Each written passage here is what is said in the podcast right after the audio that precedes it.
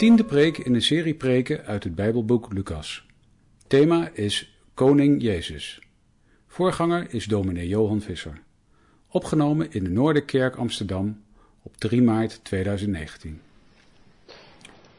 Dus we gaan op weg met de Heer Jezus naar Jeruzalem tot het paasfeest en we doen dat met het evangelie van Lucas en uh, het, uh, vanaf hoofdstuk 19 en uh, vanmorgen luisteren we dus naar Jezus intocht in Jeruzalem. En elke keer zal er een, een, een kind of een, of een tiener zal met ons de schriftlezing doen. En vanmorgen is dat Steven en Steven gaat met ons lezen Lucas 19 vanaf 28 tot en met 40. Dus Lucas 19, vers 28 tot en met 40.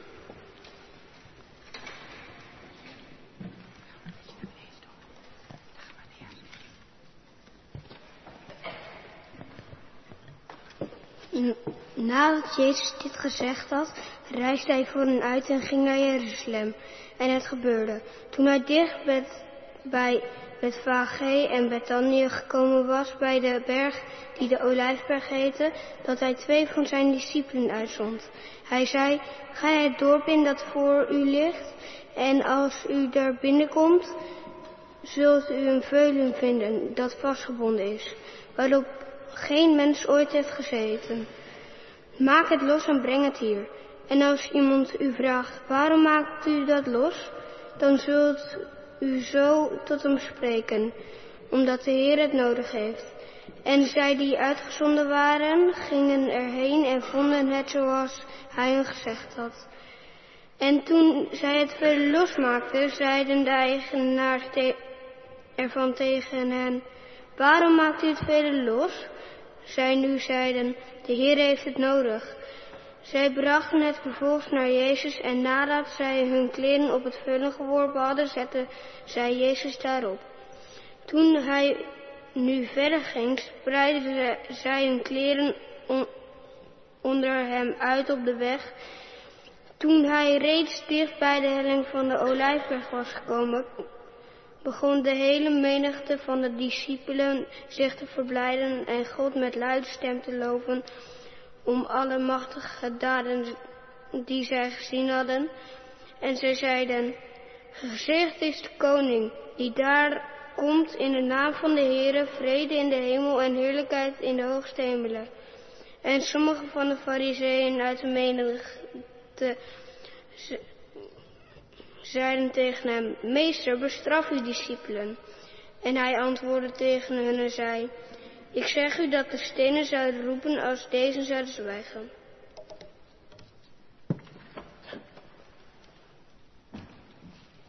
Zalig ben je als je het woord van God hoort en het bewaart. Gemeente van Jezus Christus. Misschien zag je deze week het nieuws van de blijde inkomst van de Noord-Koreaanse dictator Kim Jong-un in Vietnam waar hij was voor een ontmoeting met de Amerikaanse president. Hoe hij werd toegejuicht door de Vietnamezen, uit zijn gepansterde trein stapte de, de rode loper op, bodyguards, soldaten, bloemen, vlaggen. Het was een groot feest.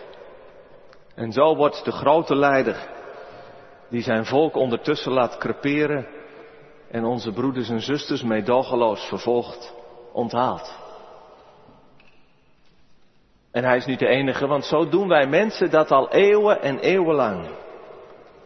Met veel theater en show de machtige, koning, keizer, admiraal en de sterren welkom heet. Zodat iedereen hun macht, hun glorie kan aanschouwen. Nu voor één keertje doet Jezus zich aan mee. Hij is op weg naar Jeruzalem, de hoofdstad. En hij gaat erheen als koning. En vooral Lucas laat dat goed uitkomen in zijn evangelie. Nadat hij deze dingen heeft gezegd, zegt Lucas, en dat is die gelijkenis van een hooggeplaatst man die het koningschap ging ophijzen. Nadat hij dit heeft gezegd, gaat hij verder naar Jeruzalem. En als hij er bijna is, houdt hij vanaf de helling van de Olijfberg een koninklijke intocht. Ja, hij moet het zelf doen. Want ze zitten niet echt op hem te wachten. En natuurlijk, het stelt allemaal niet zo heel veel voor. Hij zelf op een ezelsveulen. Zijn leerlingen eromheen, wat kleding op de weg als rode loper. Misschien wat voorbijgangers en geroep en gezang. Maar toch weten wij, en dat moeten we weten, dat hier een koning arriveert. Koning Jezus. En meer dan de helft van het verhaal dat Lucas vertelt gaat over dat vinden en dat halen van dat ezelsveulen. En je vraagt je af waarom, waarom al die aandacht voor, voor dat beest? Want het is uiteindelijk toch maar een transportmiddel. Twee leerlingen die worden erop uitgestuurd om in een dorpje op de Olijfberg een vastgebonden ezensveulen, waarop nog nooit iemand heeft gezeten, te halen en bij Jezus te brengen. Nou, en als men dan vraagt van, wat, wat doen jullie daar? Dan moeten ze antwoorden, de Heer heeft het nodig. Ja, want de Heer, dat is ook een koninklijke titel. De keizer werd zo genoemd. De Heer heeft het nodig om de profetie van Zacharia in vervulling te laten gaan. Eeuwen terug schreef Zacharia door de geest van God, verheug je zeer, dochter Sion.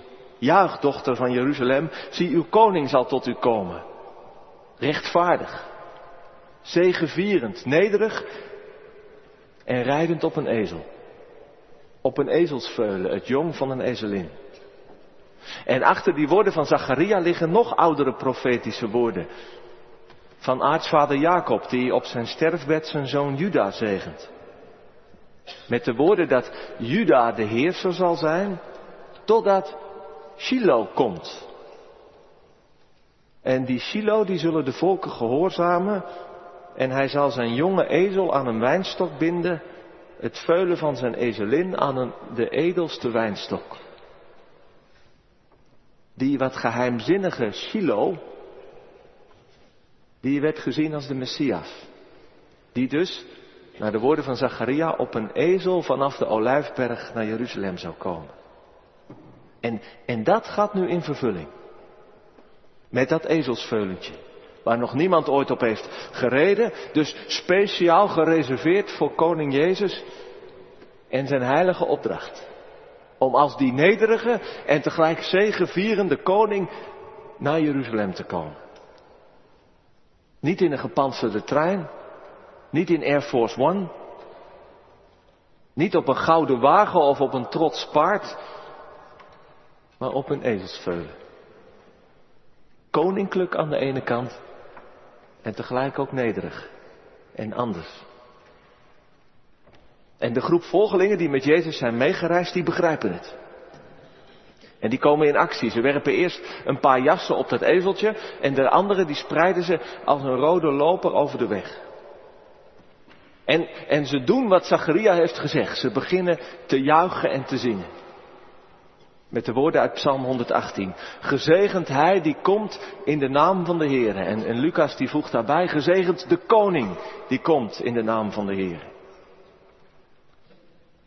Vrede in de hemel en glorie in de hoogste plaats. Ja, dat laatste is mooi, hè? Lucas die, die roept eventjes die, die engelenzang in de kerstnacht in herinnering. Die vrede op aarde zongen en glorie in de hoogste plaats. En nu zingen die leerlingen niet over vrede op aarde, maar over vrede in de hemel. Jezus leven en zijn optreden onder de mensen bracht vrede op aarde. En vooral voor de zieken en de bezetenen en de tollenaars en de armen. Vergeving, genezing, shalom, hoop. En zijn komst in Jeruzalem zal vrede in de hemel brengen. dat het goed komt tussen God en de mensen. Dat de machten die de vrede in de hemel en in de kosmos uh, daar tegenin gaan, dat die machten van kwaad en zonde, dat die worden gebroken. Dat hij ze in zich op zal nemen aan een kruis. En dat er zo vrede komt in de hele kosmos. Zoals het er staat in de brief aan de, aan de Colossense. Dat God door Jezus alle dingen met zichzelf verzoenen zou. Door vrede te maken door het bloed van zijn kruis, door Hem. Zowel de dingen die op de aarde zijn, als de dingen die in de hemel zijn. Dus deze koning die brengt alles samen. En die schept een vrede door alle vijandschap en gebrokenheid en kwaad in zich op te nemen en weg te doen en zo een nieuw begin te maken. En daarom natuurlijk gezegend de koning die komt in de naam van de Heer. En vrede in de hemel en glorie op de hoogste plaats. Want nu komt hij, nederig en uiteindelijk zegevierend op zijn ezelsveulen, om die vrede eindelijk te brengen. Maar ja, hoe, werkt dat nu precies hè, met, die, met die vrede van koning Jezus? Want alle andere koningen, Kim, Trump, Poetin, noem ze maar op. Als zij hun intocht houden, dan hebben ze macht achter zich. Ze hebben invloed, ze hebben geld, ze hebben raketten, ze hebben ambtenaren, ze hebben legers. En op basis daarvan kunnen ze dingen met elkaar afspreken en doen. En op basis daarvan moeten wij ook rekening met hen houden. Maar ja, wat, wat heeft koning Jezus eigenlijk als hij van het ezelsveulen afstapt? Hij is natuurlijk wel echt heel anders. Een van de schrijvers van wie ik veel leer is de Amerikaanse schrijver en predikant Frederick Buechner. Hij is nu al ergens in de negentig. En hij vertelt dat een preek, over een preek die hem als jonge man, die nauwelijks met geloven was opgevoed, over de drempel van het geloof trok. En die preek hoorde hij in de tijd dat koningin Elisabeth eh, van Engeland net gekroond werd. Dus dat is al lang geleden, want die mevrouw die zit, die zit al eeuwen op de troon. En, en die dominee, die heette Buttrick, en die zei dat Jezus ook koning was. Omdat hij steeds weer gekroond wordt in de harten van hem, van hen die in hem geloven. En die innerlijke kroning, dus dat mensen Jezus als koning kronen in hun leven, die vindt in de woorden van Buttrick plaats onder schuldbeleidenis en tranen en groot gelach. En het was dat laatste, die laatste twee woordjes, groot gelach, die Biekner te pakken nam. Dat Jezus koning wordt onder groot gelach in je leven. Dus dat is denk ik wel waar. Jezus is koning in de levens en via de levens van hem die, die in hem geloven. En die dus in hun leven zeggen, u bent mijn koning. En het is eigenlijk wel treffend hoe dat hier bij die intocht van Jezus in Jeruzalem gebeurt. Zijn leerlingen die leggen hun kleren op de ezel en op de weg. Dat vind ik eigenlijk wel een heel mooi beeld van hoe je gaat geloven. Dat je je jas uitdoet en dan voor Jezus op de weg legt. Je oude spijkerjasje wat zo lekker zit. Of dat kekke jasje waar je eigenlijk veel te veel voor hebt betaald. Of die stijve bontjas. Of die jas met vlekken en knopen eraf, maar je hebt even geen andere. Of die donkere stemmige zondagse mantel.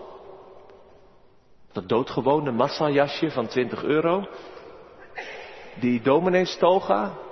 Uit en op de weg. Want mijn koning komt eraan. Met zijn ezelde. En daarop die nederige rechtvaardige die vrede brengt, die mijn vrede is. Laat Hij nu maar in mijn leven komen en er iets moois van maken.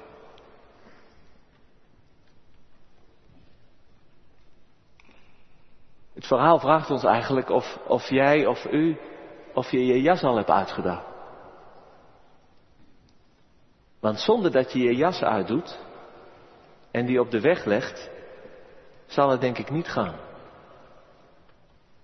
Zonder dat je je overgeeft, je echt geeft, blijf je een beetje een toeschouwer.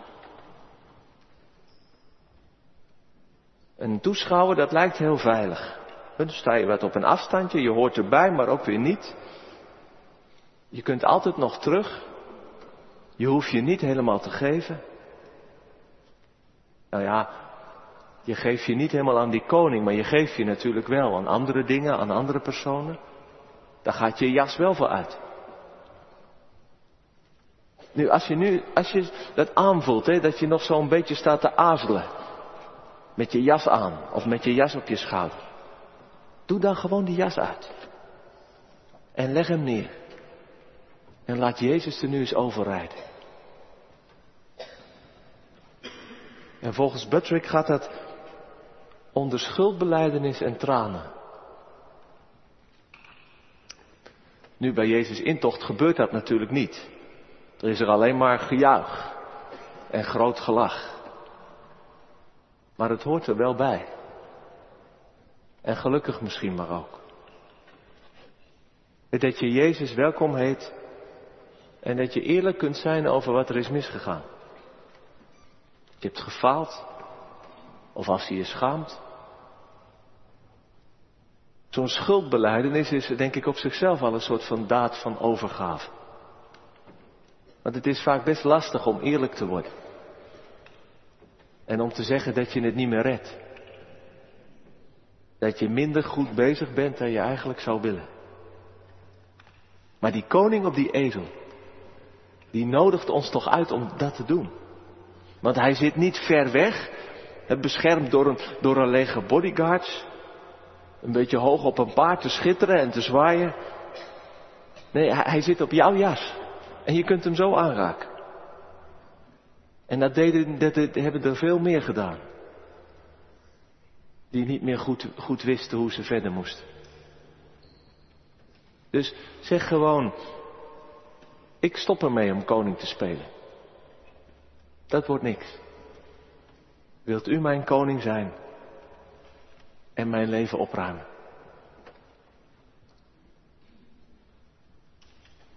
En met tranen mag het ook. Jezus die zal straks op de, op de rug van dat ezeltje huilen over Jeruzalem.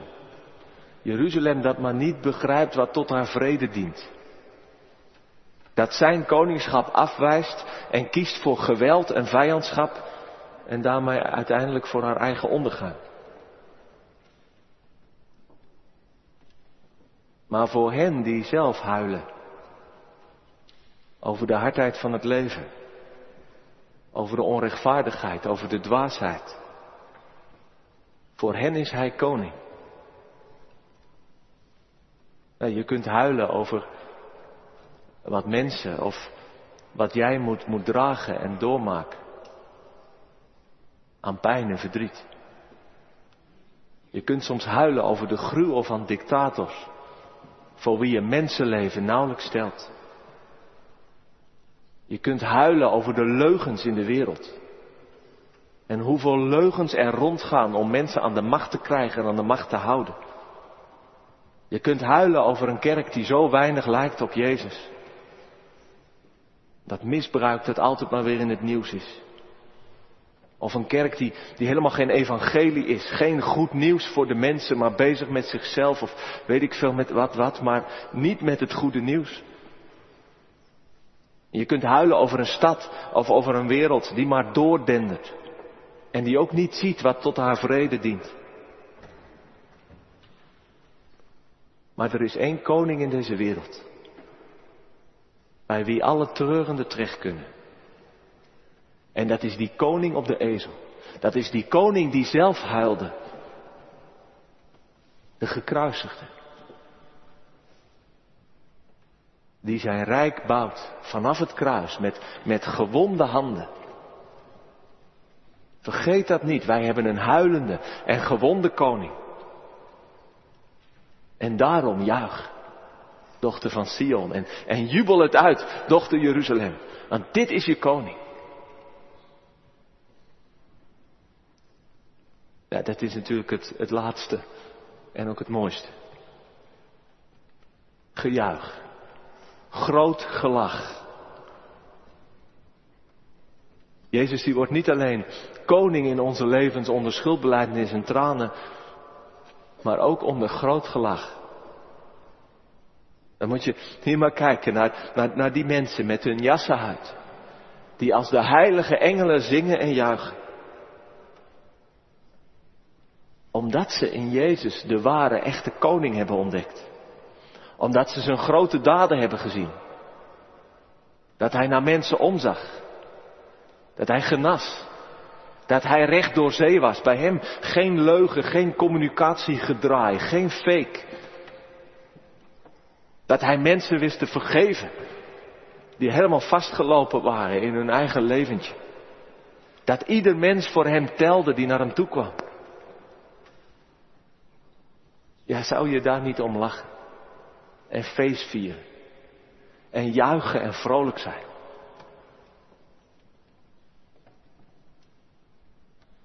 Ja, dat, dat juichende christendom, dat wordt nog wel eens verdacht gemaakt. Dat hoorde ik in mijn, in mijn jeugd nog wel eens. Dan heb je van die christenen die alleen maar lachen en juichen en daar moet je voor oppassen, want dat is natuurlijk vreselijk oppervlakkig.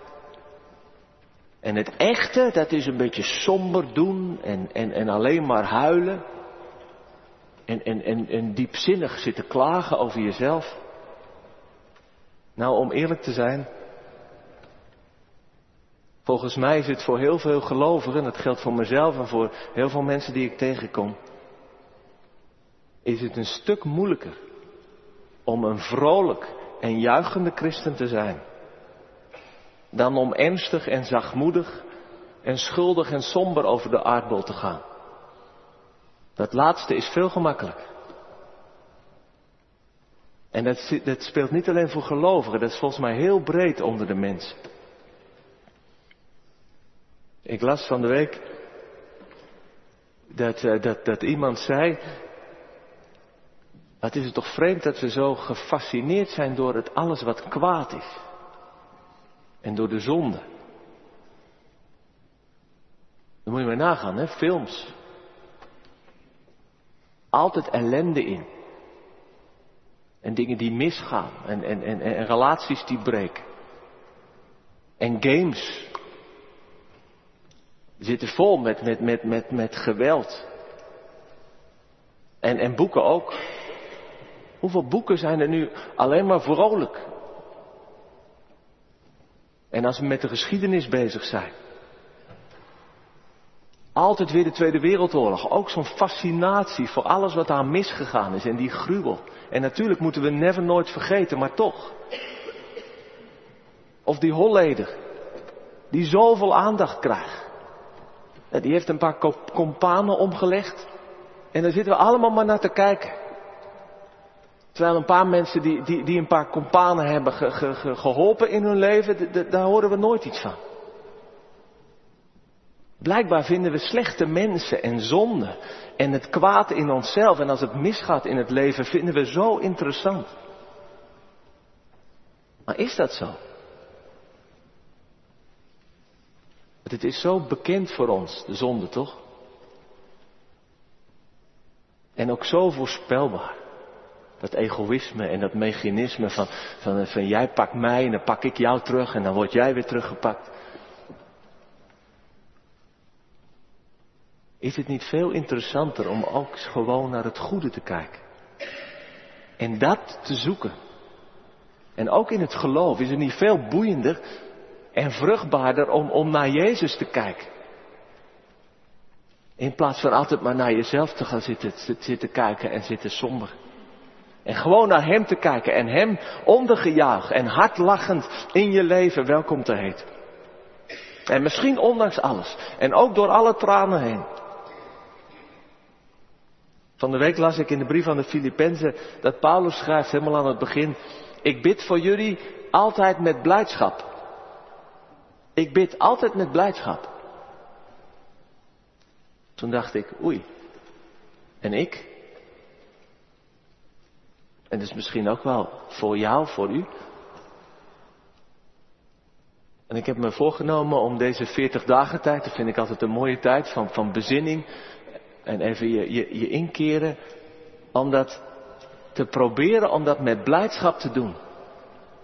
En niet allemaal zo, zo heel ernstig en donker en moeilijk. Want we mogen toch blij zijn dat we zo'n goede koning hebben. Die zo goed anders is dan alle andere koningen en sterren van de wereld. En die ook zo goed anders is dan dat koninkje ik.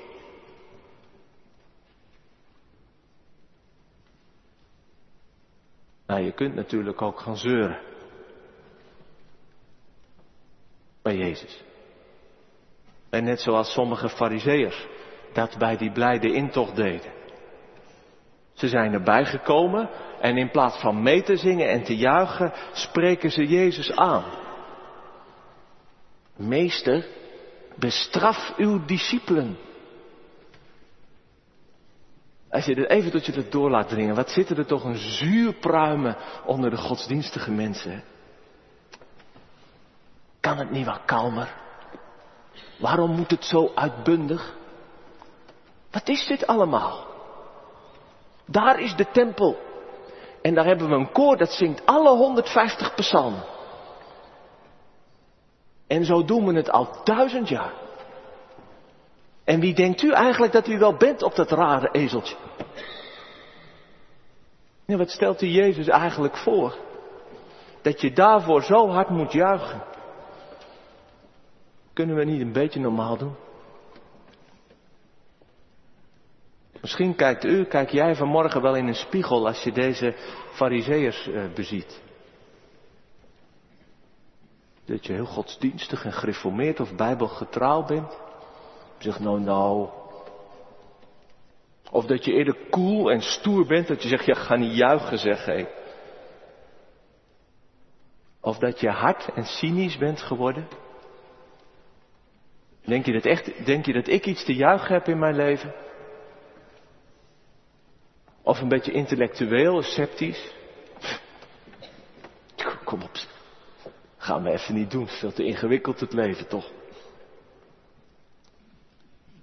Dan denk je of dan zeg je eigenlijk hetzelfde. Doe maar een beetje kalm aan.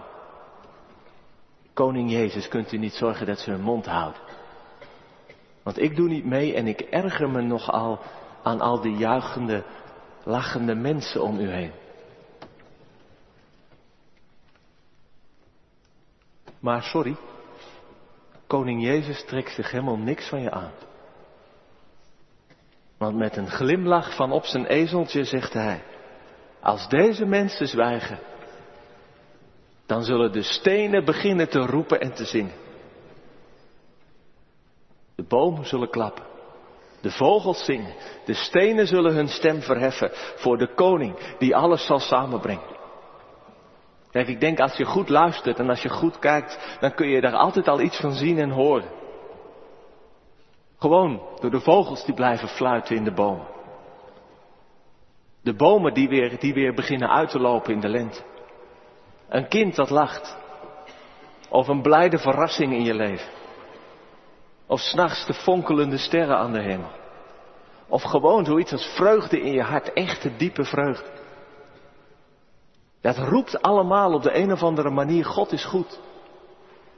En dit leven dat slaat ergens op. En ze wijzen zo naar die echte koning. En ze zullen nooit zwijgen. Al probeert Kim, de volgelingen van Jezus, met harde hand het zwijgen op te leggen. De stenen in Noord-Korea blijven roepen. En al zeggen de profeten van het atheïsme vandaag dat het ja, langzamerhand toch weer wel eens tijd wordt dat die, dat die gelovigen ophouden met dat, met dat onnozele gedoe van hen. De stenen zullen spreken. De bomen zullen klappen. En ergens diep in mensen zullen altijd weer stille stemmetjes fluisteren. Er moet meer zijn. Er is toch wel een andere koning. Dat vond ik mooi hier donderdag op God, eh, tijdens God op de gracht. Twee mensen die vertelden dat. De ene vertelde dat, dat, dat een boek begon te spreken. Gewoon heel toevallig een boek die je uit de bibliotheek pakte. En het boek dat ging over jou. En het was overduidelijk een stem van God. En de andere die liet een filmpje zien, een indrukwekkend getuigenis van iemand die tot levenslang was veroordeeld. En die nooit liefde had gekend en niet wist wat het was, totdat de moeder van zijn slachtoffer hem vergeving schonk. En toen wilde hij iets zeggen wat liefde was en toen kon hij alleen maar huilen. Zijn tranen die riepen uit dat er een andere koning is, dat er een liefde is van God die zo groot en zo, zo, zo diep gaat. En natuurlijk nog één steen die sprak. Op de paasmorgen. De steen die sprak. Het graf is leeg. De dood is gebroken. De koning is opgestaan. En hij leeft. En sindsdien kan er weer echt gelachen worden. Hard gelachen. Amen.